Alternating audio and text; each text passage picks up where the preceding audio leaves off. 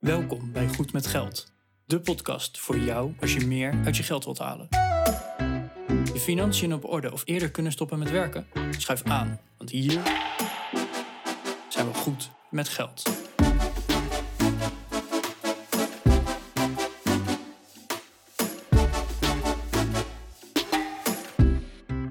Aflevering 208 van de Goed met Geld podcast. Hey, Bas en Arjan hier. En vandaag hebben wij een gast in de studio, zoals je in de titel al hebt kunnen zien. We hebben Hans in de, in de studio. En Hans is pensioenadviseur. En we hebben hem al eerder te gast gehad, want eh, hij is ook vrijwilliger bij Humanitas. Dus daar heb, heb je hem ook al kunnen horen. Maar in zijn professionele leven is Hans pensioenadviseur. En daar gaan we het met hem over hebben. Want we hebben het al gehad over de pensioendriedaagse en onze visie op het pensioen. Maar als pensioenadviseur kijkt Hans er nog net iets anders naar. Want moet je wel maximaal inleggen? Hè? Is dat nou wel zo handig? Uh, het kost dus tenslotte best wel veel geld. Je moet best wel veel erin stoppen. En natuurlijk, het is fiscaal voordelig. Maar ja, je kan er ook op een andere manier naar kijken. Nou, en daar hebben we het met Hans over. Eigenlijk dus een complete aanvulling op onze eerdere afleveringen. Nou, wil je ook vooral even kijken wat de eerdere afleveringen waren? Dat vind je natuurlijk in onze show notes. Goedmetgeldpodcast.nl slash 208. Uh, daar nemen we linkjes op. Hans heeft ook nog een aantal handige linkjes genoemd. Uh, waar jij nog meer informatie kan, kan vinden. Dus uh, check vooral ook inderdaad die show notes. wij vinden het een hele gave aflevering geworden. Hans heeft heel veel verteld. Dus ja, hier kun je alleen maar van leren. Veel plezier ermee.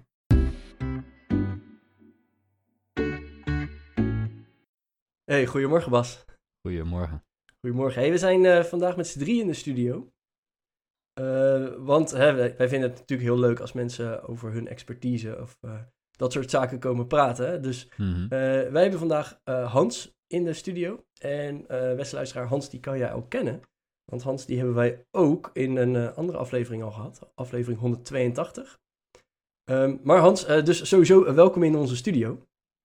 Oh, nogmaals weer bedankt voor de uitnodiging. Ja, de, alleen maar leuk. Um, ja, de vorige keer hebben we gesproken over, over Humanitas en, uh, en hoe Humanitas jou helpt bij geldzaken en de, de administratie, dat soort zaken. Ja. Want daar ben jij bij betrokken. Klopt. Maar jij doet nog meer in het leven. Ja. Uh, jij bent namelijk ook nog expert op pensioenen. Ja, dat, dat, is, mijn echte, dat is mijn echte beroep. Dat is je andere, echte werk. Ja, ja, dat is echte werk. De, de, andere was een hobby. De andere was een hobby, dat mensen helpen met, uh, met hun administratie en financiële problemen. Uh, dat is mijn vrijwilligerswerk. En, uh, en mijn beroep is uh, pensioenspecialist zijn, pensioenadviseur zijn. en dan ehm, richting bedrijven, ondernemingsraden, pensioenfondsen, verzekeraars, instellingen. Dus ik, dus ik verkoop geen pensioen. Ik, ik, ik, sluit ook niks. Ik, ik, kan wel erover adviseren, maar of je nu wel of geen pensioenregeling sluit, dat, daar verdien ik niks meer of minder over. En ja, dat is zeg maar wat ik, wat ik doe. Kijk, cool. en... en heel relevant denk ik voor onze luisteraars. Ja, dat, dat, ik, ik, hoop het. Uh, dat, want uiteindelijk, dat, jullie hebben ook een, uh, toen met de pensioendriezaagse een podcast uh, gemaakt. Dus het is toch een, een, belangrijk onderdeel uiteindelijk van je leven. Om mm.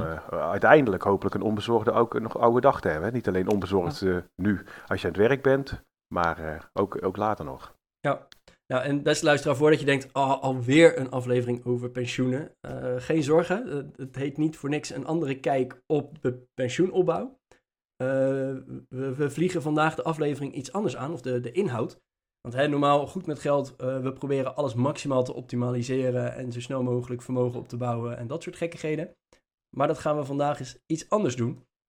Want uh, in, de, in de nabespreking, in, de, in de vorige opname, gaf Hans aan van ja, maar het kan ook anders.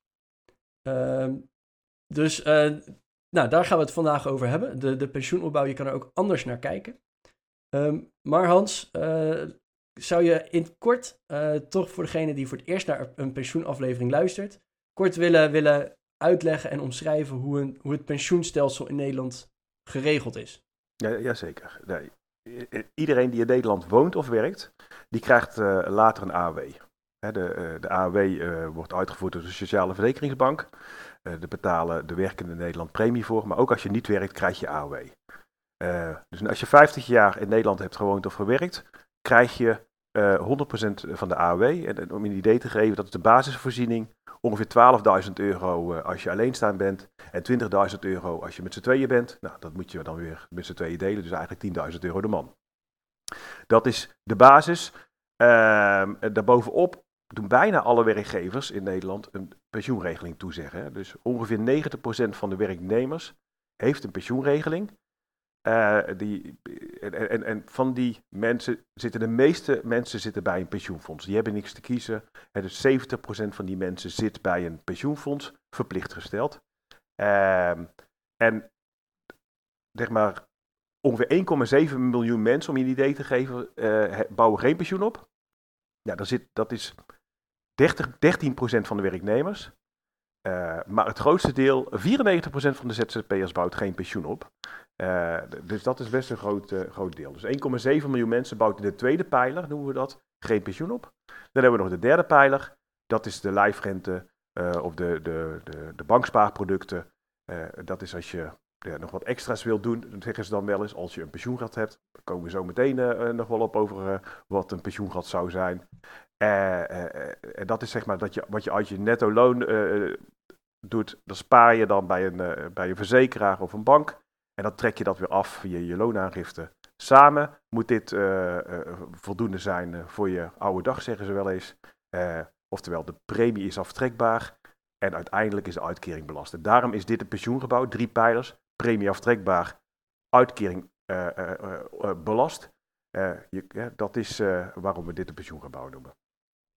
Ja, wat, wat je dan ziet bij veel ZZP'ers is dat ze zich niet aansluiten bij een pensioenfonds. Uh, en dan dus in de tweede pijler nul opbouwen. En daardoor in de derde pijler heel veel ruimte hebben om eventueel op vrijwillige basis iets te doen. Zeker, zeker. We bouwen je in de tweede pijler niks op, op heel weinig op. Hè. Er zijn ook pensioenfondsen die heel weinig uh, uh, pensioenopbouw hebben, die gewoon een matige regeling zijn. Ja, die hebben gewoon veel meer ruimte in de derde pijler. ja. Ja. Ja. ja, want hoe het werkt, hè, die, die eerste pijler, de AOW, die is voor iedereen die in Nederland woont. en Hè? Dus als je 50 jaar in Nederland woont, krijg je 100%. Voor elk jaar dat je niet in Nederland bent ingeschreven, gaat er 2% af. Um, ja. Dan heb je pijler 2 en 3. En pijler 2 en 3, er wordt dus gekeken naar, oké, hoeveel verdien jij? En op basis daarvan, uh, met een, een, best wel lastige berekening, komt er een bedrag uit wat jij aan pensioenopbouw mag doen in dat jaar. En dat is afhankelijk dus inderdaad van jouw leeftijd en van jouw inkomen. Um, ja, bij, bij lijfrente is het inderdaad ook afhankelijk van leeftijd. In de tweede pijler um, is dat bij pensioenfondsen niet afhankelijk van leeftijd. En bij, bij veel beschikbare premieregelingen, maar dat is dus een manier om pensioen op te bouwen, is dat vaak wel afhankelijk uh, van leeftijd. Overigens, in het nieuwe stelsel wordt het helemaal losgekoppeld, is, speelt leeftijd geen rol meer. Uh, oh, dus mogen jong en oud evenveel op gaan bouwen. Dat is heel uh, interessant en maakt het ook een stuk duidelijker voor iedereen. dus iedereen mag straks in het nieuwe stelsel evenveel op gaan bouwen. Kijk, nou, dat is uh, positief. Daar gaan we zo in de, in de aflevering ook nog even op terugkomen. Op dat nieuwe stelsel, want hè, dat, dat zit er gewoon aan te komen. Ja. Oké, dus um, nou, je, hè, jouw werkgever bouwt dus uh, al dan niet voor jou op. Ja, uh, meestal wel. Meestal wel, ja. al dan niet volledig. Hè, want de, de, de, op dit moment is er inderdaad een, een maximum bedrag. Ehm, en dan kan je dus inderdaad, als het niet volledig wordt opgebouwd, dan kan je in uh, de derde pijler kan je zelf nog ja, gewoon uh, ja. belastingvrij eigenlijk. Want je betaalt de premie en je, krijgt, je betaalt het voor je bruto salaris uiteindelijk. Ja. Dus je krijgt dat met de volgende belastingaangifte terug. Ja. Um, en en dat, dat staat dan vast. En dat is wel belangrijk om te weten. Alles wat voor je pensioen dus wordt opgebouwd, dat staat vast. Uh, tot aan je pensioenleeftijd. En uh, op jouw pensioenleeftijd, dan ga je er een uitkering van krijgen of kopen. Hè, dat een beetje afhankelijk van het type pensioen wat je hebt. Ja. En uh, weer er eerder bij, dan heb je dikke pech. dan, ik geloof dat de boete 60% is van het bedrag wat je, wat je op gaat nemen. Dus, ja, bij, bij je lijfrente of, of bankspaarproducten klopt dat. Dat mag je wel afkopen, maar dan betaal je er wel weer belasting over. Uh, in de tweede pijler, via de werkgever het pensioen, kun je niet aankomen. Dus ben heel cru, uh, ben je nou, ernstig ziek en denk je dat je pensioenleeftijd niet gaat halen, ja, dan kun je natuurlijk bij lijfrente of bij banksparen zeggen, nou, ik, wil het, ik pak het gewoon op, want ik, ik ga het niet redden. Ik kan het nu beter gebruiken. Hmm. Ja, dan moet je wel belasting betalen, maar je kunt het wel eraf nemen. bij de tweede pijler kan dat absoluut niet. Dus dat kan gewoon niet. Dus dat is een klein voordeeltje, wordt wel eens gezegd van de derde pijler. Hè, dat is wat flexibeler kan ook weer gezien worden als nadeel. Als je denkt van ja, het is nu het, uh, het WK voetbal is geweest. Of ik had daar toch een mooie slag kunnen slaan met gokken. Ik, ik had mijn lijfrente daar wel voor willen gebruiken. Dan mag je het in principe afkopen. Kun je, het, kun je ermee gaan gokken. Ja, en dan heb je later dus minder. dus de derde pijler is wat flexibeler daarin. Oké. Ja, en dan wat wij hebben genoemd, en dat, dat was ook in eerdere afleveringen, en luisteraar, beste luisteraar, deze afleveringen die noemen we ook in de show notes, dus check vooral die, de, show notes even als je naar de andere afleveringen wil. Uh, wij hebben het hier eerder over gehad. Dus uh, we hebben het over hè, de, de jaarruimte en de reserveringsruimte gehad in aflevering 51. Uh, eh, we hebben onze visie er nog wel eens over gegeven in 142. En we hebben inderdaad met Christian Meijer uh, de, de uh, hoofd van wijziging geldzaken hebben we het ook over de pensioendriedaagse gehad. En uh, hè, wat, wat zou je nou moeten doen in die pensioendriedaagse? Maar ook hoe staan onze pensioenen ervoor? En dat was aflevering 196. En eigenlijk in al die afleveringen hebben we gezegd: hey, je hebt zoveel jaarruimte, benut die nou volledig. leg zoveel mogelijk daarvan in, want het is belastingvrij wat je dus kan beleggen. En dat beleggen, dat doe je dus voor jouw pensioen. Dus op het moment dat je nu uh, eh, 30 bent, dan heb je een x-bedrag ruimte. Ja, als je daar nog ruimte hebt, beleg dat, want je moet werken tot nou, je 67ste, dus dan heb je nog 37 jaar. Ja, dat is natuurlijk met, met bruto geld beleggen, 37 jaar, je moet er vanaf blijven. Ja, dat, dat is eigenlijk gewoon een, een hele mooie deal. Uh, en dan krijg je pas echt die compound interest. Hè? De, de rente op rente effecten, die gaan dan pas echt tellen als je inderdaad over zulke periode praat. Wij hebben dus al drie afleveringen verkondigd. Maak er nou maximaal gebruik van. Wij spreken Hans en Hans zegt: Ja, maar zou je dat nou wel doen? Ja, klopt. Ja. Even, het is allemaal waar wat je zegt. Hè? Eh, eh, dus eh, alles wat je nu spaart, belasting, ja, met een belastingvoordeel. hoe jonger je begint, hoe meer rendement je uiteindelijk krijgt. Lange termijn, hè? pensioen is altijd lange termijn.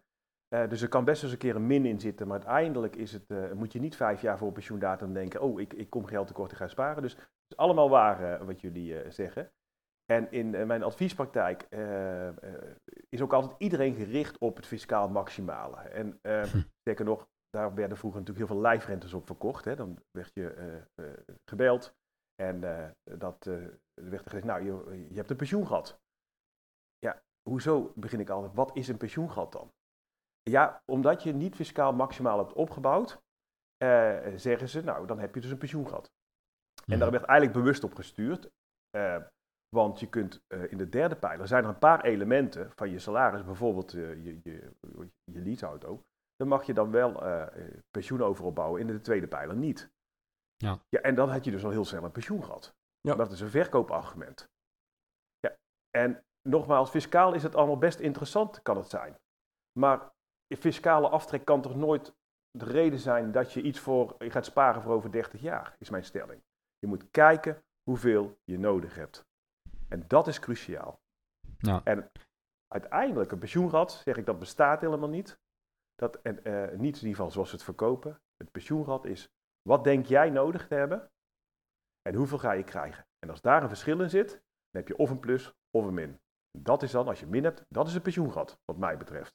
En niet van hoeveel kan ik fiscaal opbouwen. Uh, en ik heb niet de fiscale ruimte benut. Dat is echt, wat mij betreft, een onzinargument. Uh, nog even, en ik vind het pensioen heel belangrijk hoor, maar uh, kijk nou eens hoeveel je nodig hebt en begin dan eens met sparen. Ja, dat vind ik al, vind ik al een hele goeie. Zo, zo kijk ik er zelf ook naar inderdaad. Um, ook, misschien kun je daar nog wat over noemen hoor, maar, maar hoeveel pensioen heb je inderdaad nodig in de tweede en derde pijler straks bij elkaar? Ja. Uh, misschien, misschien kun je daar iets over noemen en over hoe het principe werkt. Hè? Want dat je op een gegeven moment een vermogen opbouwt waarvan je een uitkering kunt kopen. Of, of je hebt in de tweede pijler bij een pensioenfonds al een uitkering opgebouwd. Uh, zo, zo kijk ik ook naar. Stel dat ik, de, uh, ik moet nog een, nou wat is het, een jaar of 35 tot 40 zeg maar. Um, ja, stel dat ik met mijn huidige inkomen maximaal blijf opbouwen tot, tot mijn pensioen. Ja, dan staat er een bedrag waar je, waar je bang van wordt. Ja, precies. Dat, dat heeft een, heb, heb je dat nodig? Dat is dan de vraag. Of kan je zeggen, van, ja, ik, ik, ik, bouw nu, wat, wat, wat ik persoonlijk, nogmaals, geen financieel advies, uh, beste luisteraar, maar wat, wat ik nu doe, is ik bouw op dit moment maximaal op. Ik ben ondernemer. Um, dat betekent dat ik uh, in, de, in pijler 2 doe ik niks. Pijler 3 bouw ik uh, ma maximaal vermogen op voor wat binnen de fiscale ruimte mag op dit moment. Ik kijk wel elk jaar naar Eh, als ik nou eh, het pensioenvermogen dat ik tot nu toe in die derde pijler heb opgebouwd, eh, ga extrapoleren met compounding interest tot aan mijn AOW-leeftijd, hoeveel, wat wordt het eindbedrag dan? en dan probeer ik daar een soort inschatting van te maken, is dat voldoende of niet? Want dat betekent gewoon dat ik dan voor de rest van mijn leven in principe niet meer aan mijn pensioen hoef te komen en dat het gewoon geregeld is. En waarom doe ik dat nu zo hard? Nou, één, omdat ik daar de, de ruimte in mijn inkomen voor heb om geld opzij te kunnen zetten. dus dan, dan ga ik wat meer in mijn pensioen beleggen, wat minder in, in privé. Uh, maar anderzijds ook omdat ik de, de, de runway als het ware heb, de, de, de tijd, dat dat geld nog heel lang kan renderen. En het is wat jij terecht opmerkt, Hans, als je het vijf jaar van tevoren gaat doen, ja, dan moet je ineens superveel gaan sparen. Als je het uh, 30 jaar van tevoren doet, dan is dat uh, veel minder een probleem. Ja, ja precies. precies. Kijk, en, kijk, een pensioenregeling, en ik pleit niet voor iedereen de pensioenregeling af te schaffen of volledig te flexibiliseren.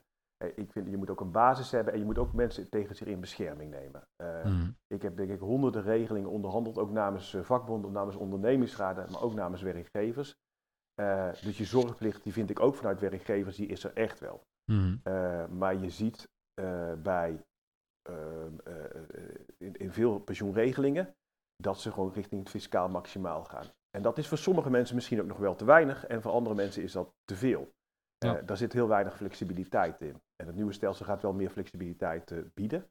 Uh, maar als je, als je kijkt nu, heel veel mensen weten nog niet, als we twee jaar voor je pensioendatum staan, hè, stel even iemand is 60 of 65, dan weten ze niet hoeveel ze nodig hebben. En ik, heb pensioengesprekken gevoerd en dat vraag ik, oké, wat denk je dat je gaat krijgen? Nou, ook eerder gezegd in jullie aflevering, als je gaat vervroegen, je gaat eerder uittreden, krijg je wat minder. Je krijgt het langer, maar wat minder.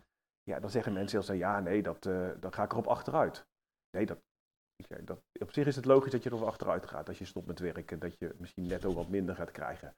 Uh, maar als je dan vraagt, hoeveel heb je nodig? Want dat is de werkelijke vraag natuurlijk die je moet stellen. Niet, ik ga erop achteruit, want dat is logisch.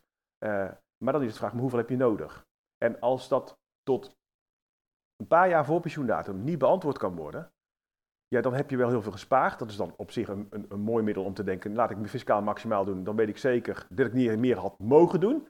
Uh, ik weet zeker niet dat het genoeg is, uh, maar dan weet je, ik heb niet meer mogen doen. Mm-hmm. Ja, maar eh, voor heel veel mensen zie ik gewoon dat het dan te veel is. Ik, ik kom dus ook mensen tegen, ook in de familie, maar ook als je met mensen over pensioenen praat, dat ze als ze met pensioen gaan, sparen ze nog steeds.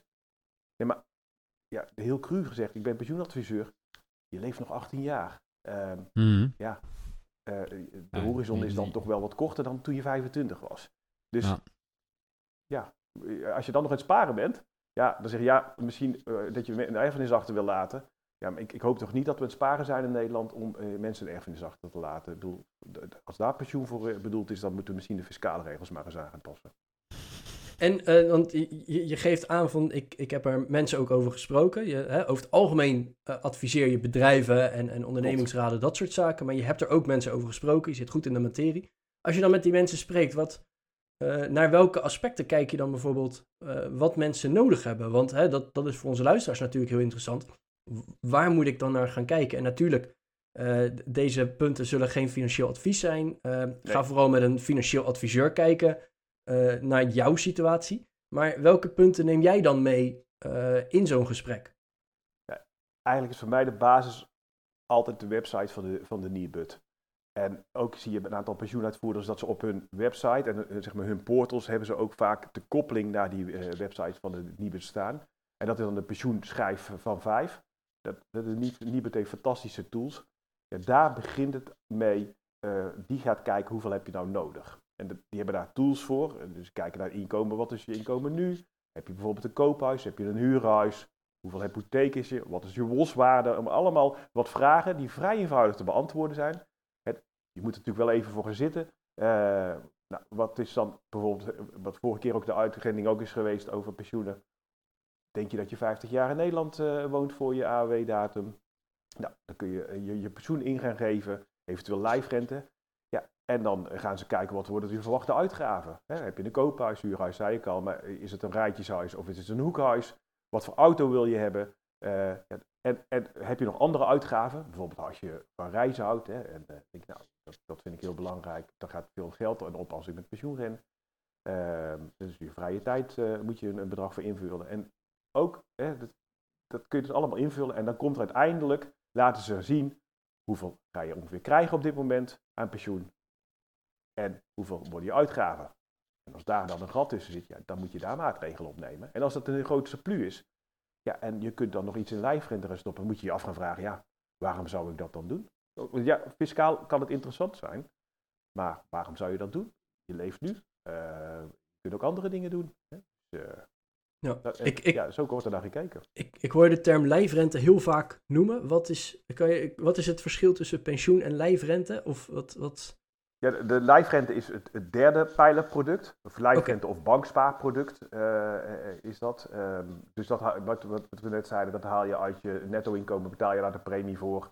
Uh, uiteindelijk haal je via belastingingifte de, de, zeg maar de... Ja, dat is dus eigenlijk de term voor de derde pijler. Voor de derde pijler. Extra ja, opbouwen. Oké, okay, ja. ja. En, en bankspaarproduct wordt tegenwoordig ook heel veel gebruikt. En uh, omdat lijfrente waren, dus zeg maar de vroegere woekerpolis. Uh, dat, ja.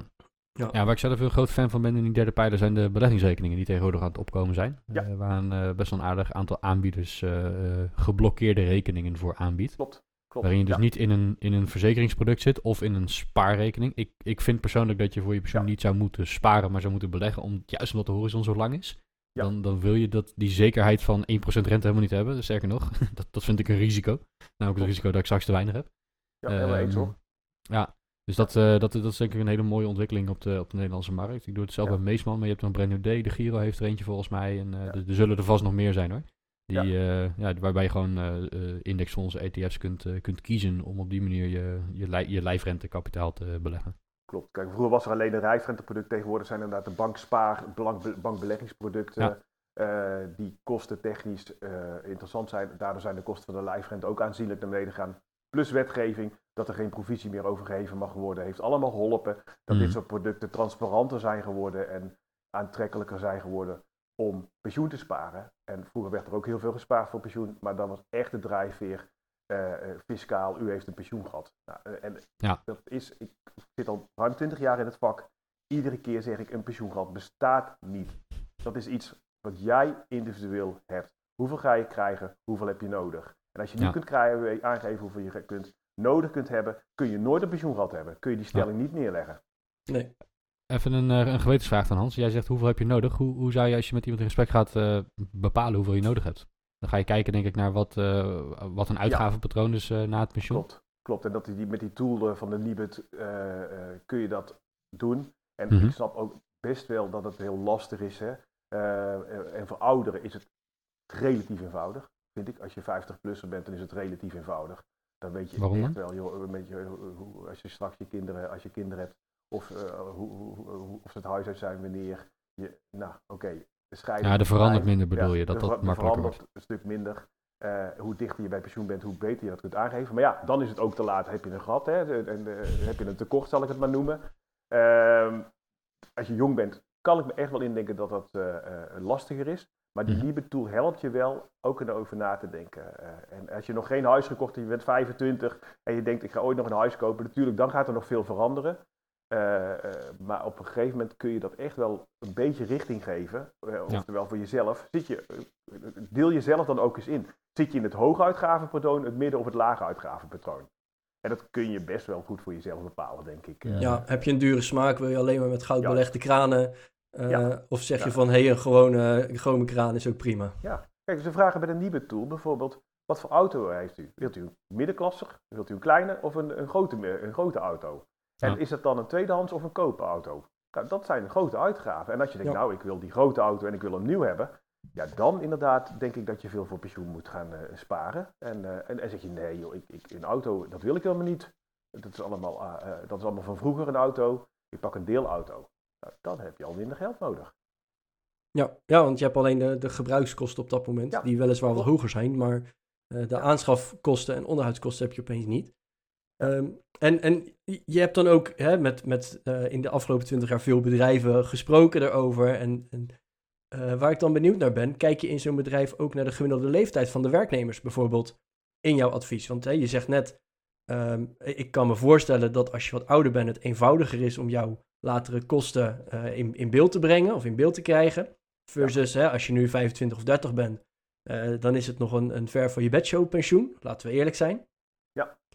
kijk je daar dan ook naar en, en is je advies dan misschien zelfs anders? Dat je zegt van, hé, hey, uh, zou je op jonge leeftijd misschien juist meer richting dat, dat fiscaal maximale moeten gaan tegen uh, als je wat, wat ouder bent? Of wat, wat is daar jouw visie dan op? Ja, ik, ik kijk meer naar wat voor type bedrijf uh, ben je. Dus, dus niet zozeer naar leeftijd, want je rekent de pensioenregeling af voor het hele bedrijf. Ehm, dus ja, ook die jongeren worden een keer oud en laten we ik heb wel IT-bedrijven gehad die zeiden, ja, wij richten ons op mensen tot de 30 en daarna gaan ze ja, elders werken. Ja, dat, dat, dat klopt vaak. Korte termijn misschien wel, maar lange termijn niet. Want als je dan tien jaar daarna terugkomt, zeg je, nou, zit je nog steeds gemiddelde leeftijd onder de 30 en dan zijn ze opeens boven de 35 gekomen. Dus ja. uh, pensioen is lange termijn. Dus mm. ik ontwerp een regeling, uh, het liefst voor lange termijn, dat ik het één keer goed voor je doe en dat je, na, dat je me daar nooit meer ziet. nou, Overigens, met de wetgeving is dat wel lastig. Want, ik kan zeggen, dat doe je goed dan. Ja, nee, dat klopt. Over twee jaar is er weer nieuwe wetgeving, dus dan mag je weer komen. Ja, dat is niet mijn bedoeling. Uh, uh, maar helaas uh, dat de wetgeving toch wel een beetje veel veranderd is de laatste jaren. Mm. nee, dus ik kijk meer naar het type bedrijf. En ik vind ook wel dat, ik, ik, vind ook echt wel dat een bedrijf een zorgplicht heeft en een verzorgingsgedachte. Dus ik pleit absoluut niet voor afschaffen van een pensioenregeling. Maar ik vind als je een accountantsorganisatie bent, of je bent een, uh, een bezorgingsbedrijf, heb je ander type mensen. Ja. Er wordt anders naar geld gekeken. En dat zie ik dus ook dat bij, bij werk bij Humanitas. Uh, dus het pleiten van uh, ga maar alles flexibiliseren en laat de merknemer kiezen tussen pensioen of geld, daar ben ik helemaal niet, geen voorstander voor. Maar als ik een pensioenregeling ontwerp, wil ik wel kijken hoeveel ga ik erin storten, hoeveel komen, hoe, hoe komen mensen uit, mm. hoeveel kan ik vastdoen en, en, en wat zou ik flexibel moeten laten, dat mensen zelf kunnen bepalen, willen ze nu een hoger salaris hebben? Want, mm -hmm. Of willen ze later wat meer pensioen hebben? Dus ik kijk meer naar het type bedrijf, hoger opgeleid, wat lager opgeleid, uh, hoe hoog zijn de salarissen, uh, hoe hoog zijn de bonussen, uh, dat, dat, soort, dat soort ideeën. Daar, daar moet je meer naar kijken, dat is mijn mening. Ja, ja dat, is wel, dat is wel een goede, denk ik. Um, ik heb zelf, uh, ik, werk in de IT, ik heb een, ik heb een onderneming met personeel, die, die bied ik geen uh, pensioenregeling aan. Dus uh, mijn, mijn medewerkers zijn even, die zitten in die 13% die jij net noemde. Ja, ja die luisteren hopelijk niet. ik weet dat er eentje luistert inderdaad, van de rest weet ik het niet. Ik, ik vermoed van niet. Ja. Nee, wat, wat, wat ik daar heb geregeld met ze, is juist, juist wel dat stukje flexibiliteit waarvan jij zegt van ja, daar geloof ik eigenlijk niet in. Nou, de mensen die bij mij werken, die zijn wat hoger opgeleid. Ja. en die, die druk ik op het hart van jongens, de, denk er nou wel aan. Ja. in, in de salarisonderhandelingen, bij, eh, op het moment dat, dat ze in dienst komen en je hebt het over salarissen, dan, dan heb ik het altijd over een, uh, een jaarsalaris. En daar bovenop geef ik een, een stukje, een, een, bedrag, een percentage ja. van het salaris voor pensioen. Dus dan kunnen we in de vergelijking met andere werkgevers kunnen zeggen, nou, we gaan bij Bas, weet ik veel, ik noem even iets hoor, 50.000 per jaar verdienen en bij een andere werkgever ook. En wat ik dan doe is dat ik zeg, oké, okay, je, je krijgt bij mij 50.000 plus 8%. Um, dat, dus, dus, dus je krijgt dan eigenlijk, we onderhandelen op 50, maar je krijgt van mij 54. Uh, waarom? Uh, omdat ik vind dat je een ja. stukje extra geld van mij moet krijgen voor je pensioen. Ik druk ze op het hart om daar wat slims mee te doen. Uh, alleen kijk, als die, het zijn veelal jonge gasten die bij mij komen werken. Die hoog opgeleid zijn, carrière willen maken, hard gaan rennen en, en, en, en best wel een, een groei in hun carrière gaan ja. meemaken. Ja, ik kan me voorstellen dat zij of inderdaad bij een van de lijfrenteaanbieders een beleggingsrekening openen om dat geld daarin te storten voor, dat ze voor later pensioen opbouwen. Ik kan me ook voorstellen dat in de huidige tijd ze ervoor kiezen om de studieschuld af te lossen. Om ja. uh, een, uh, uh, hun huis een beetje af te gaan betalen of te gaan sparen voor een koopwoning. Dus, dus ik ja. geef ze op die manier wat meer flexibiliteit. Zeker voor, voor de jongere gasten is dat prettig. om, om te kijken naar wat, wat past er op dat moment bij me. Ze kunnen ervoor kiezen om het allemaal in bier om te zetten en in het weekend er allemaal rare dingen mee te doen. Ja, dat, dat is hun eigen verantwoordelijkheid dan. Dus ik druk ze altijd wel op het hart van, je doe er wat ja. slims mee. Ik wijs ook, in, ik ga geen pensioenadvies geven, dat is niet mijn rol, vind ik. Uh, maar ik wijs ze wel een beetje in de goede richting van jongens, uh, doe, doe, doe, er wat mee. Ja, precies. precies. Um, dus ik vind, ik vind zelf altijd een beetje dubbele. Denk, sorry? Dit hoor ik meer. Er zijn uh, toevallig vorige week nog een werkgever. Oké, okay. die, ah, leuk. Die, die, die ook ja. deze visie heeft van ik, ik geef gewoon een budget, ook hoog opgeleid. ja, zij staat ook in de hoek, nog wel een beetje zeggen, ook in de hoek van de, ja, de HR. dus zou je normaal kunnen zeggen, joh, die, die, die moeten erover na kunnen denken. Mm -hmm. Dat, en, en, die deed nog uh, een budget beschikbaar stellen, ook nog voor uh, financieel planningsgesprekken. Die zei bij mij, joh, pensioengesprekken. Nou, ik zou het breder trekken. Want ik, nogmaals, pensioengesprekken vind ik te eng begrip. Want dan ga je alleen maar kijken hoeveel pensioen ga je krijgen. Uh, Mhm. Er zijn hartstikke to- mooie tools voor, ook al bij jullie genoemd, mijnpensioenoverzicht.nl bijvoorbeeld. Maar dat Ja. gaat alleen maar berekenen hoeveel ga je krijgen later.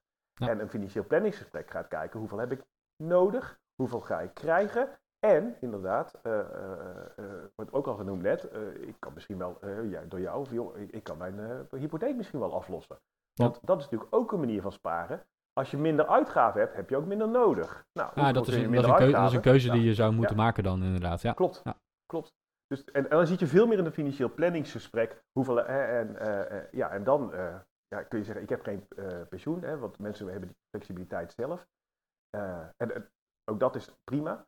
Eh, er zit één, één klein maag aan, en dat is voor de, wer- de 13% werkgevers die geen pensioenregeling toezeggen. En laten we hopen dat ze allemaal een budget toezeggen. Dat zullen ze niet allemaal doen waarschijnlijk. Ja, dus daarvan zou ik willen zeggen, eh, je kunt ook een pensioenregeling toezeggen die echt een basisvoorziening is, maar dan heb je wel de mogelijkheid dat mensen kunnen bijsparen. Want de tweede pijlerproducten zijn kostentechnisch in de beleggingskant eh, interessanter dan het beleggingsproduct eh, eh, via het banksparen bijvoorbeeld. Oké. Dus daar zit wat een kostenverschilletje i- in. Mhm. Eh, overigens heb je de derde pijler weer het voordeel dat je wat flexibeler bent om eruit te halen. Eh, maar kijk daar nog eens heen als werkgever. Plus, ehm, je, je verzekert wel een, een nabestaan of een partnerpensioen of, en een wezenpensioen. Hè? En Ja. bij jongere mensen hebben ze misschien nog geen partner. Of, eh, eh, eh, maar uiteindelijk, als je bedrijf anders eruit gaat zien, dat zegt, nou, gemiddelde leeftijd dan toch, hè, wat Arjan hoe kijk je dan naar mensen, gemiddelde leeftijd? Ja, dan wordt een partnerpensioen wel belangrijk. Want dat is Ja. ook een onderdeel van de pensioenregeling. Eh, en ja, kun je zeggen, dat kun je ook zelf afsluiten. Ja, dan hoop ik niet dat je eh, ziek, zwak en misselijk bent. Want dan wordt het wat lastiger. Ja. Dus ehm, ook werkgevers die geen pensioenregeling toezeggen, daar zitten echt voordelen in, in, in een pensioenregeling. Eh, en ik snap ook wel dat je niet de fiscaal maximale toe gaat zeggen. En, dat snap ik ook echt wel.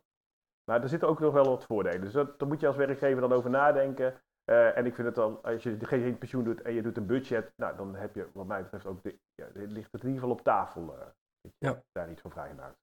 Voordat wij eh, naar het nieuwe pensioenstelsel gaan, ben ik dan nog als laatste vraag eigenlijk ook wel benieuwd. Zie jij nog veranderingen in die afgelopen 20 jaar?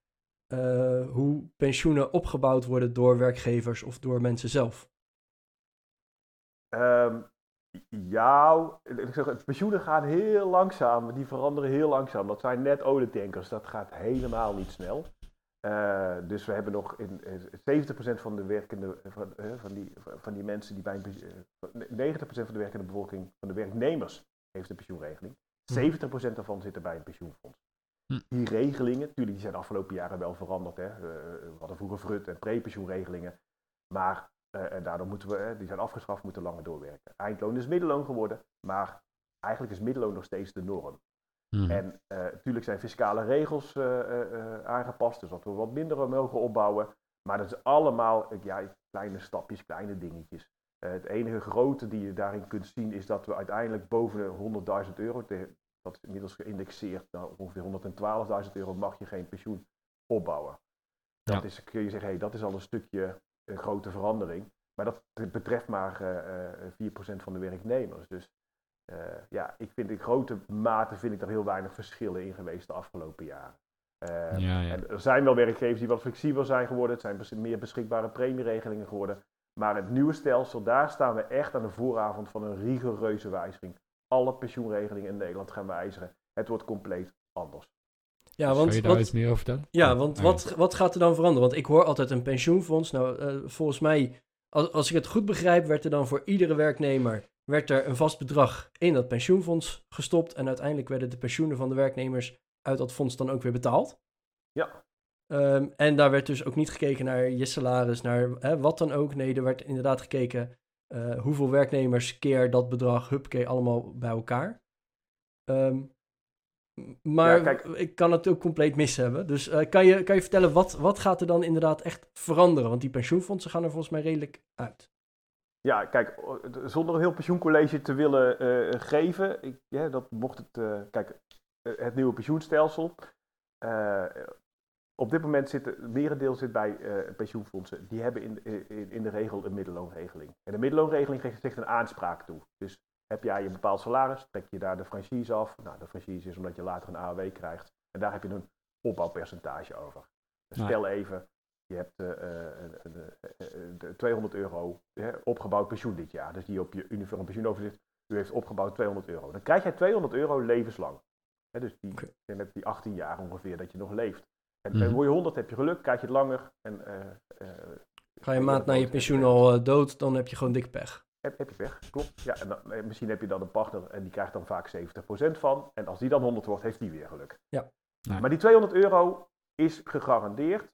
Nou, en dan gegarandeerd een beetje tussen haakjes, uh, want het kan verlaagd worden en het kan verhoogd worden. Maar die streeft wel naar zekerheid. En mhm. daardoor, uh, omdat ze naar zekerheid streven, die middelloon, het is niet 100% gegarandeerd. Het kan altijd verlaagd worden als het wat minder uh, gaat. Maar ze moeten, zeg maar, pensioenfondsen moeten zo beleggen en ook zo, zoveel buffers aanhouden dat ze streven dat ze dat gewoon garanderen. Ja, dat is zeg maar het, het merendeel van de pensioenfondsen heeft dat. Dan hebben we het andere stelsel, dat is een premieregeling, een beschikbare premieregeling. Daar is vaak de inleg gekoppeld aan je leeftijd. Ben je wat jonger, krijg je wat minder inleg eh, dan wat ouder bent. Dat komt omdat de beleggingshorizon voor jongeren wat langer is. Uh, mm -hmm. Dat geld doe je in een, in, in, in een pot, dat maakt rendement en op pensioendatum ga je pensioen aankopen. En dan is het weer hetzelfde als die middelloonregeling, dan krijg je dat levenslang. Dat is op hoofdlijnen is het op dit moment het stelsel. Uh, het merendeel heeft die middelloonregeling, die streeft naar garanties, kan verlaagd worden, kan verhoogd worden. Nu is veel te doen over indexatie. Maar omdat ze streven naar zekerheid, moeten ze ook veel reserves aanhouden. Oh ja. Dat is het huidige stelsel. Het nieuwe stelsel gaat iedereen over naar een premieregeling. Middelloonregelingen worden afgeschaft. Iedereen gaat over naar een premieregeling. Dus je krijgt je eigen individuele pensioenpotje. Er wordt geld ingestort. Dat maakt rendement. En op pensioendatum ga je een pensioen aankopen. Nou, er gaat wel wat veranderen van hoe je pensioen aan kunt kopen. Je kunt ook zeggen, ik wil wat minder zekerheid. Uh, het kan variëren. Dat is heel technisch. Daar ga ik nu niet op in. Maar een premieregeling, iedereen krijgt een premieregeling. Nou, een deel van de bevolking heeft dat al, hè, een beschikbare premieregeling. Maar het grote verschil gaat er ontstaan dat iedereen dezelfde premie krijgt. Dus, en dan maximaal 30%, mag ook 4% zijn, mag ook 10%, 10 zijn, maar maximaal 30%. Iedereen, jong kan 30 krijgen en oud kan 30 krijgen. Je mag dus geen leeftijdsonderscheid meer maken. Okay. Uh, behalve voor mensen die nu al een premieregeling hebben, uh, mag dat leeftijdsonderscheid wel blijven bestaan. Dat is maar een kleinere groep. Nou, iedereen gaat over naar een vlakke premie. Nou, dat is gunstig voor jongeren. En 30% van jouw huidige... Van de, ja, dat, van, dat noemen ze dan van de pensioengrondslag. Dat is weer zo'n begrip. Maar de pensioengrondslag is het pensioengevend salaris. Vaak 12 maanden salarissen plus je vakantiegeld. Minus de franchise. En die franchise omdat je later weer die AW krijgt. En heel vaak is die franchise rond de 14.000 euro. Uh, want ook dat is allemaal weer fiscaal bepaald. Ja, en dat is, dat is ongeveer gelijk aan wat je aan AOW uh, eh, gaat krijgen. Dat, daar, daar is het ongeveer op gebaseerd in ieder ongeveer geval. Ongeveer op gebaseerd. Vroeger was het echt een, helemaal een familie die exact klopte. En dat was zelfs op toegespitst. Was je alleen staat of uh, niet alleen staat, kreeg je ook een andere AW, kreeg je ook een andere franchise. Dat is allemaal verboden. Uh, dus ze zeggen ongeveer 70. Uh, dus er zit er wel een formule van de AW achter. Ja. Dus, ja, en, en, en op dit moment, dus we gaan vanaf volgend jaar naar 30% van de grondslag. op dit moment zitten we op 13% geloof ik uit mijn hoofd. Nee, kijk, je mag maximaal 30% van de grondslag doen. Ja? Uh, Volgend jaar? Ja, vanaf 1 juli 2023 als het allemaal doorgaat. Dus 1 juli 2023 zou het nieuwe stelsel in moeten gaan. Ja. Uh, en nu op dit moment ja, uh, varieert bij beschikbare premieregeling varieert de premies. Hè. Dus uh, sommige werkgevers zeggen 4% toe. Anderen die zeggen een staffel toe die loopt van, ik noem er iets 6% tot misschien wel 40%. Okay. Uh, dus daar zit wel uh, een verschil in. Dus dat is sterk, bij beschikbare premieregeling is dat nu nog vaak afhankelijk van je, van je leeftijd. Ja. Dus, en en de, bij middelloonregelingen, bij pensioenfondsen betaalt iedereen dezelfde premie. Mm -hmm. en ja, dat. Maar die is afhankelijk van je loon dan waarschijnlijk. Dat is een factor en, van je. Uiteindelijk ja, betaal je altijd premie van je, van je salaris, van de pensioengevend salaris minder franchise. Ja. En gemiddeld genomen in Nederland, uh, wat dat wordt uh, ook onderzocht, gemiddeld genomen is de pensioenpremie van pensioenfondsen, uh, om je een idee te geven, is, is, is ongeveer 15% dit jaar. En dat is de, van de pensioenfondslag. Dus, dus ja, het, het, het, je mag 30, je hoeft dat niet te doen, dat is fiscaal maximaal weer. Ja, ja. dan begin ik weer, ja, kijk dan wel hoeveel je nodig hebt. nou, kijk ook naar de branche waarin je werkzaam bent. Dus, ja. En kijk inderdaad van, hey, hoe oud ben je op dat moment? Want ik denk dat dat wel meer mee gaat spelen. Uh, hè, als, als jonger persoon mag je ook gewoon meer inleggen. Want uh, ja. de, de, de maximale inleg is op dit moment gewoon relatief laag als je wat jonger bent. Mm -hmm. uh, hè, ook weer afhankelijk van je salaris, maar gewoon procentueel gezien. Ja. dat wordt gewoon meer. En dat kan je dus gewoon belastingvrij gaan beleggen. Ja. En uh, ik neem aan dat de, de uitkering uiteindelijk dan weer belast wordt. Net zoals dat op dit moment de... Klopt, uh, dat blijft allemaal hetzelfde, absoluut, absoluut. En, en um, dus jongeren kunnen relatief gezien veel meer in gaan leggen. Uh, en op latere leeftijd wat minder, maar dat kan nog een mooi rendement maken, dus dat is zo. -hmm. er zullen veel mensen zeggen, ja, maar ik zit bij een pensioenfonds, ik, ik kan helemaal... ik pleit ervoor dat je dus gaat kijken hoeveel je gaat inleggen. Hè, of je daar misschien wat meer of minder gaat doen. Dat je moet kijken dus naar je uitgavenkant. Wat zijn je verwachte uitgaven? Mm -hmm. Dat is je startpositie. Uh, maar heel veel mensen zeggen, ja, maar ik, ik heb helemaal die flexibiliteit niet. Dus uh, ja. Hoe, ja, de, ik kan helemaal niet variëren. Ja, dat is in het huidige stelsel, bij middelloonregelingen is dat inderdaad, bij pensioenfondsen is dat niet mogelijk. Dus je doet gewoon mee. Nou, als er onderhandeld is een fiscaal maximale regeling, ja, dan, eh, dan, dan is dat zo. En dan is dat voor sommigen te veel en voor anderen te weinig. Uh, dat, uh, daar zit geen flexibiliteit in. Maar het nieuwe stelsel, en daar zie je al een beweging naar, gaat meer flexibiliteit bieden. Mm -hmm. En ik denk voor een hele hoop pensioenfondsen zal die flexibiliteit nog zeer beperkt zijn. Maar als je kijkt naar de meest recente akkoorden, eh, pensioenakkoorden, ofwel de CAO afgesloten, dan zie je al wel daar een flexibiliteit ingebouwd. En dan, joh, dat is al bekend hoor, dus het is niet zo dat ik uh, geheime informatie heb, maar Google maar eens op de Rabobank pensioenregeling of de Nationale Nederlanden pensioenregelingen. Die zijn al conform het nieuwe pensioenakkoord afgesloten. Oh, wow. Dus die zijn al voorgesorteerd uh, voor, voor 90% zeg maar. Ja. Uh, voor een aantal dingen moeten ze nog invullen, omdat het gewoon nu nog niet kan. En ja, die, die, die, die zetten wel een vaste werkgeversbijdrage. Maar je werknemersbijdrage, jouw eigen inleg, die mag je variëren. Uh, en daar bouwen ze soms een bodem in. Hè. Uh, maar je mag dus zeggen, nou, ik, ik doe mij maar wat mindere inleggen. Ik wil een hoger salaris nu. Ja, oké. Ja. ja, en als je dat gaat doen, dan, dan gaan mensen natuurlijk vragen, ja, hoe moet ik dat dan doen? Uh, hoe, ja, ik doe maar wat de buurman doet. Dat is tot nu toe meestal, wat mm. is meest gebruikt? Ja. Dat, uh, zo zijn we een beetje ook opgevoed met internet. Hè? De meest gekozen variant. Ja, uh, maar dan is mijn stelling, maar wat voor Arjan voor jou goed is, is voor jou niet goed, Bas. Want jij zit, hebt een ander uitgavenpatroon. Dus begin nou eens echt met nadenken hoeveel zou ik daarin ja, heb ik nodig. En de ene heeft het dan misschien, zegt, joh, ik moet echt mijn uh, eigen bijdrage zo hoog mogelijk doen, want ik heb het nodig later. En die andere niet. En, ja. Maar je moet wel beginnen met hoeveel je nodig hebt. Juist. Ja, daar komt, daar kom je eigenlijk steeds weer op terug, hè? Ja, vind ik wel. Uh, dat, vind dat, ik wel. en, dat zou het uitgangspunt moeten zijn. Dat ja. zou het uitgangspunt moeten zijn. En ik vind het wel goed dat er minimaal een bodem wordt ingebouwd. Want je moet mensen ook tegen zich in bescherming uh, nemen. Ja, want anders is het heel lang leven, extra salaris, heel biergeld. Dat, uh, precies, precies. precies. dat... En, en, dat kun je zeggen, joh, dat, dat, dat is nou je eigen verantwoordelijkheid.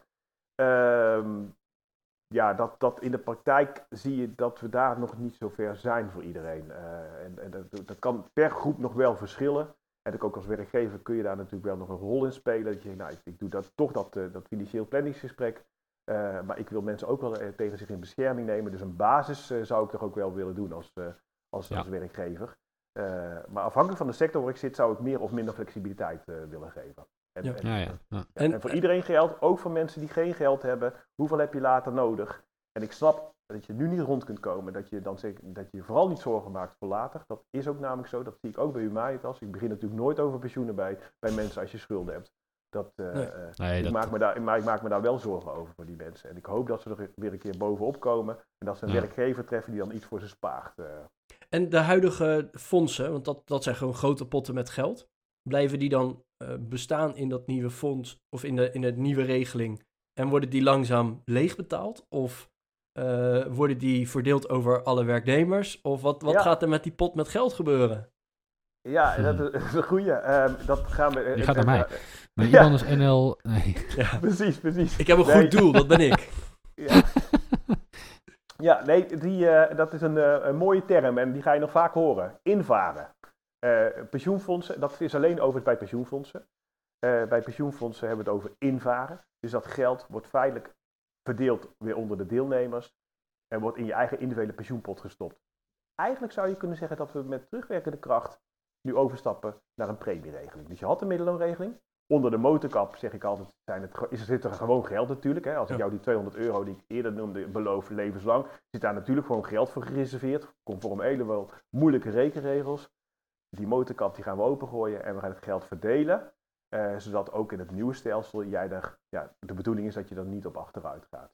Het, het kenmerken van het nieuwe stelsel is dat het minder zeker is. En dus ik, als, ik, als ik pensioentrainingen geef, vraag ik altijd: wat denkt u dat het nieuwe stelsel meer, minder of een gelijk pensioen gaat bieden? De meeste mensen antwoorden minder. Uh, dat is misschien omdat we wat sceptisch zijn. Uh, maar het idee is dat we meer gaan krijgen, maar dat het wel, uh, dat het wel minder zekerheid heeft. Dus het kan dan, het is bij aanvang misschien meer. Het kan mm -hmm. eerder omhoog, maar het kan ook eerder naar beneden gaan. Oh, ja. En dat laatste zijn we niet zo snel gewend, dat het pensioen naar beneden gaat. Dus we streven naar zekerheid. Maar zekerheid is vaak wel duur, want dan moet je reserveren. Uh, nou ja, dus ja precies, je moet reserveren of En, en dat zie je dus bij heel veel pensioenregelingen nu. Van de, ze zijn jaren niet omhoog gegaan. En uh, ja. dat heeft dus gewoon heel veel geld gekost eigenlijk om die zekerheid uh, te waarborgen. Ja, dat, dat, moet je dus inderdaad. je kunt dat, dat noemen ze de rente, kun je dan afdekken, maar je moet gewoon de buffers aanhouden. Hmm. En, en dat is ook logisch, hè? een buffer aanhouden voor als het wat slechter gaat. Nou, die zijn noodzakelijk geweest, die buffers. Uh, en ja, nu gaat het weer wat, wat beter. Ja, dat gaat niet beter met de beleggingen, maar met de rentestanden. Dat is, dat is een van de rekenmethodes die je dan moet gebruiken. Dus de rente is cruciaal. Als de rente stijgt, dan, ja, dan heb je minder voorziening nodig. Ja. En, en, en, daarom is er nu zeg maar, meer geld beschikbaar. Dus, dus het nieuwe stelsel, kijk, pensioenen blijft gewoon geld. Linksom of rechtsom. Ja. Mm. dat maakt eigenlijk niet uit of de middelloon of een premieregeling is.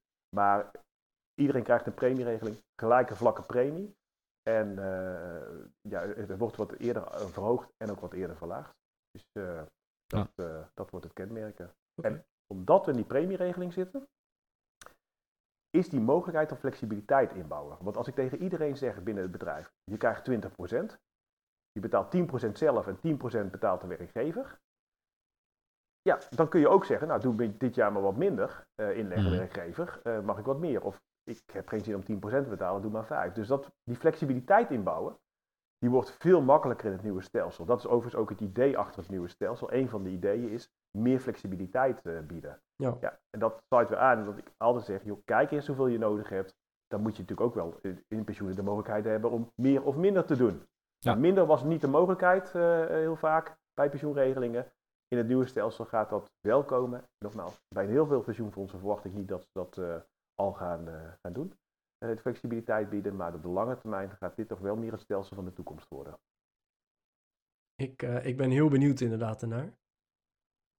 Ja. en, en, wat je zegt, het is een langzame olietanker. Dus ik denk dat we het pas over tien jaar echt de effecten terug kunnen gaan zien van het ja, stelsel. Ik, precies, precies. En, en misschien is het ook wel goed dat langzaam stapjes. Je moet ook dingen gaan proberen. Wat slaat aan, wat slaat niet aan. een big bang en alles heel flexibel worden en ja, dat, dat kan ook heel vervelende consequenties hebben. Dus doe stapje voor stapje, kijk wat aanslaat en wat niet aanslaat. Ja, en om een idee te geven, in het huidige stelsel hebben ze dan, is die flexibiliteit in premieinleg is er niet. Wat ze wel gaan inbouwen uh, vanaf 2023 is dat je op pensioendatum 10% van je pensioenpot mag laten uitkeren. Oh, nou dat, is niet, dat is niet zeg maar aan de, aan de voorkant kan ik al wat in premie. Dat, ik kan me indenken dat jongeren graag flexibiliteit aan de voorkant willen hebben. Nogmaals, Arjen hebt gelijk, hoe meer je aan de voorkant erin stopt, hè, dat maakt rendement hoe beter. Ja. Uh, maar heel veel jongeren hebben ook gezegd, joh, ik heb nu een studieschuld, die zou ik af willen lossen. Ik wil een huis kopen. Uh, ik, ik, ik, ik, kan toch beter mijn geld... Je verdient wat minder ook, hè? Aan het begin van je carrière verdien je gewoon minder. Ja. Ja. Dus ik, heb nu, ik leef nu, nou, uh, dus ik heb nu het geld nodig. Die flexibiliteit zit er bij veel pensioenregelingen straks nog niet in. Uh, maar op pensioendatum mag je wel 10% straks van je pot oppakken. Dat mag je dus ook aan je nieuwe caravan besteden. Uh, ja. dat, dat, daar hoef je helemaal geen financiële bestemming uh, voor te hebben. En dat is al een van, die, een van die dingen, die flexibiliteit is maar ook een beetje een experiment van hoeveel ja. mensen gaan dat gebruiken. En ook, ja, in welke groep zit dat dan? Zijn het alleen de hoogstbetaalden die dat dan gaan doen? Uh, want het heeft namelijk ook wel weer nadelen, uh, het geld eruit pakken. Maar die flexibiliteit die gaat al komen bijvoorbeeld. Ja, ja. Ja, ik kan me wel voorstellen dat uh, die, die 10% dat je die in één keer mag opnemen en dat dat ook boetevrij is, dat dat heel interessant kan zijn voor mensen die uh, zeggen, ja, ik ga nu met pensioen en ik wil het laatste stukje van mijn huis aflossen bijvoorbeeld. Ja, klopt. klopt. Of en, ik en wil, je moet wel de uh, belasting ik wil, betalen. nu ik nog relatief jong ben, wil ik nog een keer een wereldreis maken. En daar heb ik wat meer geld voor nodig dan, dan normaal gesproken Ja. voor de vakantie. Ja. Ik hoor net dat je wel belasting moet betalen. Ja, ja, je moet, je moet wel belasting betalen. Ja, nee, Eh, natuurlijk. Oké, dat, dat maar klopt. ja, Eh, dan dan zijn het wel fout, maar die, de, hè? de boet, die afkoopboete zitten dan eh, niet op. Nee, die, die Ja. is er niet, maar je moet wel belasting betalen. Dus je moet Uiteraard. opletten of je niet in een hogere schijf zit. Of als je toeslagen hebt, dat je dan niet je toeslagen eh, Uiteraard. worden verminderd. Dus da- daar zit er wel een, een, een, een, nadeeltje in. Eh, maar ja, ik, ik zou ook denken, ja, ehm, eh, weer in de- dezelfde filosofie, hoeveel heb je later nodig? Is ook Mhm. hoe, welke kosten kan ik beperken bijvoorbeeld? Nou, dat kan ook Ja. uiteindelijk gaan mijn hypotheek aflossen. Ja. Maar Ja. als je denkt, nee, dat zit allemaal goed. Ik wil gewoon die, die, die mooie reis nu gaan maken. Van die 10, da- van die 10% die ik oppak. Ja, hartstikke goed. Ga je Ja, gang. dan moet je dat doen, hè? Ja. Ja. Dus, eh, dus dat, die flexibiliteit gaat al komen. Ja, en dan is de volgende stap natuurlijk, ja, die 10% flexibiliteit kan ik die dan ook niet eh, bieden op het moment dat ik, eh, de- zeg maar, eh, in mijn werkzame leven. Want ik, ik, ik wil tussentijds een deel van mijn huis aflossen of ik wil nu een sabbatical nemen. Ja. Dus daar eh, ja, zit ook wat in. eh. Ik, eh, ik ben heel benieuwd. Oké, nou Hans, ehm, ja, sowieso. eh, we zijn aan het einde van deze aflevering gekomen. We zijn een, eh, een ruime drie kwartier verder, dus eh, de luisteraar die moet ook gewoon weer eh, wat anders gaan doen. Ehm dankjewel voor je tijd. Graag gedaan. Tot, Wat eh, leuk eh, ja, mijn, mijn visie met jullie te delen. Die al. ja, wij hebben, wij hebben er veel van geleerd. Pensioengat is dus niet, er is een fi- fiscaal, fiscaal nog meer ruimte. Een pensioengat is, hey, je hebt straks zoveel nodig. eh, en de verwachte, het verwachte bedrag wat je gaat krijgen is zoveel. Daar zit een verschil tussen. En je krijgt straks minder dan dat je nodig gaat hebben. Dan heb je Ja. pas echt een probleem. En dan moet je naar je pensioen gaan kijken. Precies. Mochten onze, eh, je geeft aan, ik zit al twintig jaar in de business. Mochten onze luisteraars nou denken, hey, eh, met die Hans wil ik een gesprek.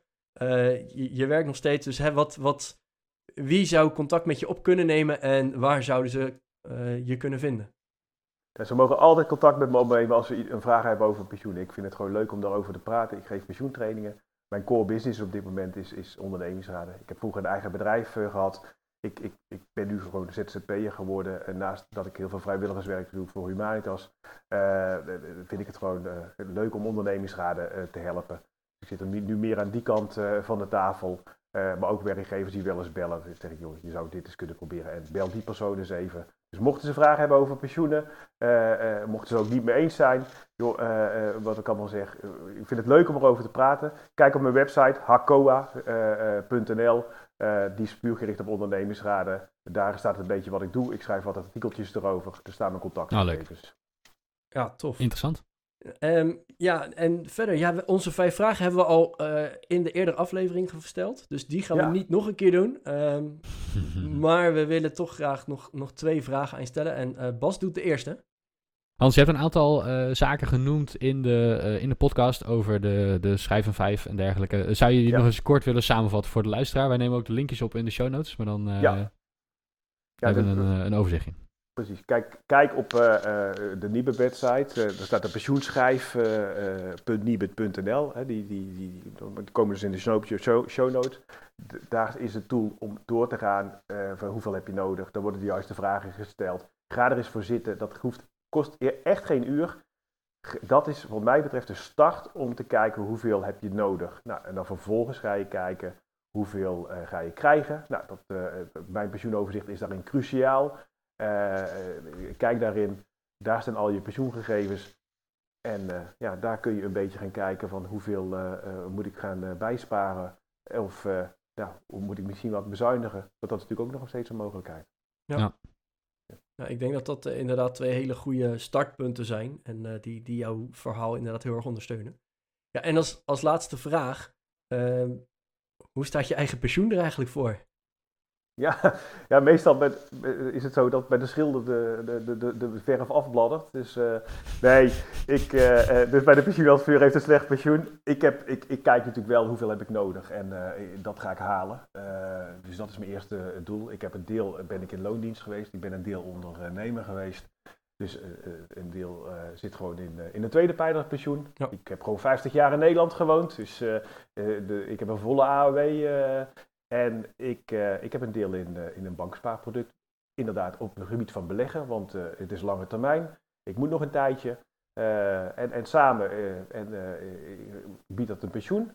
In combinatie met van dat ik hoop dat mijn huis straks afgelost is, mm zodat mijn uitgaven wat minder worden. Dus zo heb ik er naar gekeken en onder de streep komt dat als het goed is goed uit. En ik hoop uiteindelijk gezond oud te worden en dan nog heel lang te leven. Dus, uh, dat, is het belangrijkste, denk ik. Ja, precies. Ja, ja ik, ik denk dat het inderdaad gewoon uh, past bij, uh, bij het verhaal wat we het afgelopen drie kwartier over hebben gehad. Um, Hans, nogmaals dank voor je tijd, dank voor je input. En ja, ik vind het weer een, een verhelderend beeld hè, en een andere, net andere visie dan, dan standaard. Maar zeker iets om, om mee te nemen. Beste luisteraar, als jij nou denkt, ja, ik, ik vind hier wat van. laat het ons ook gerust weten. Goed met geld podcast nl slash contact. Kan je ons persoonlijk een berichtje sturen. Of uh, zet het in de show notes een berichtje eronder. Dat kan natuurlijk ook. Misschien doe jij dit al. Hè? En, uh, en denk je van, ja, hoor ik dit nu pas? Dit doe ik al tien jaar. Nou, dat, dat zouden wij ook graag willen weten. Um, misschien heb jij nog tips of tricks. zet ze dan ook in de show notes erbij. Dan hebben alle luisteraars van ons er gewoon iets aan. En ja, de pensioen duurt nog heel lang. Wij zijn er eerder weer. Dus tot de volgende keer. Tot de volgende keer.